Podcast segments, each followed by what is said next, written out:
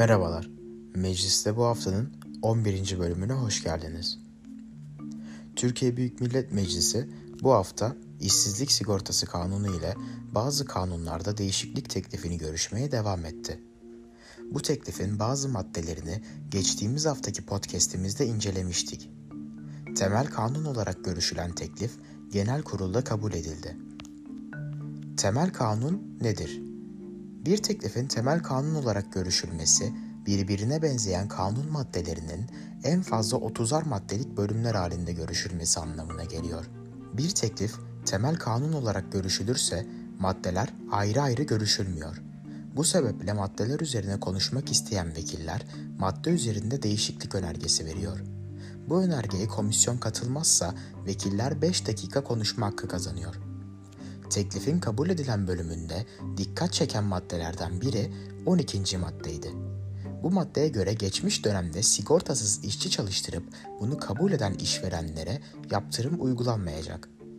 Muhalefet bu maddeye işçilerin kaçak olarak çalıştırıldığı dönemdeki ücret dışı haklarını almalarını engellediği gerekçesiyle karşı çıkıyordu. Ayrıca Türkiye İşçi Sendikaları Konfederasyonu, Türkiye Devrimci İşçi Sendikaları Konfederasyonu ve Hak İşçi Sendikaları Konfederasyonu'nun ortak açıklamayla geri çekilmesini istedikleri tekliften kıdem tazminatı ve emeklilik hakkı ile ilgili hak kaybına yol açacağı söylenen maddeler geri çekiliyor. Salı günü yapılan oturumda tam zamanlı çalışırken yarı zamanlı çalışmaya başlayan kişinin yerine yarı zamanlı çalışacak bir kişinin daha alınması ve alınan kişinin en az 6 ay çalışması durumunda gelir vergisinden istisna sayılmasını sağlayan 21. madde tekliften çıkarıldı. Bu maddenin yanı sıra 25 yaş altı ve 50 yaş üstü işçilerin belirli süreli sözleşme ile 2 yıl çalıştırılabilmesini sağlayarak 2 yıl sonunda işten çıkarıldığı durumda kıdem ve ihbar tazminat hakkını kaldıracağı ifade edilen 33. madde ile 25 yaş altı kişilerin yarı zamanlı olarak ayda 10 günden az çalışması halinde emeklilik primi yerine çalıştıkları gün kadar iş kazası ve meslek hastalığı ile genel sağlık sigortası primi ödenmesini öngören 37. maddede tekliften çıkarıldı.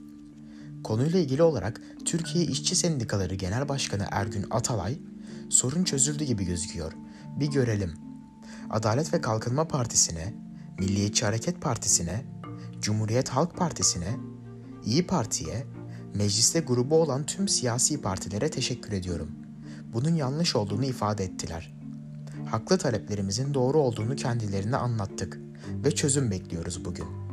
Umudum bugün çözüm üretecekler.'' Kamuoyuna açıldıkları zaman biz de memnun olacağız.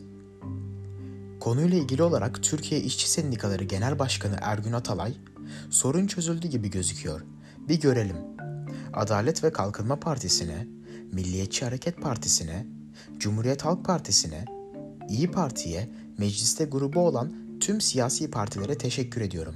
Bunun yanlış olduğunu ifade ettiler. Haklı taleplerimizin doğru olduğunu kendilerine anlattık ve çözüm bekliyoruz bugün. Umudum bugün çözümü üretecekler. Kamuoyuna açıkladıkları zaman biz de memnun olacağız. Bu anormal bir konuydu. Bunun çözülmesinde emeği olan herkese teşekkür ediyorum açıklamasında bulundu.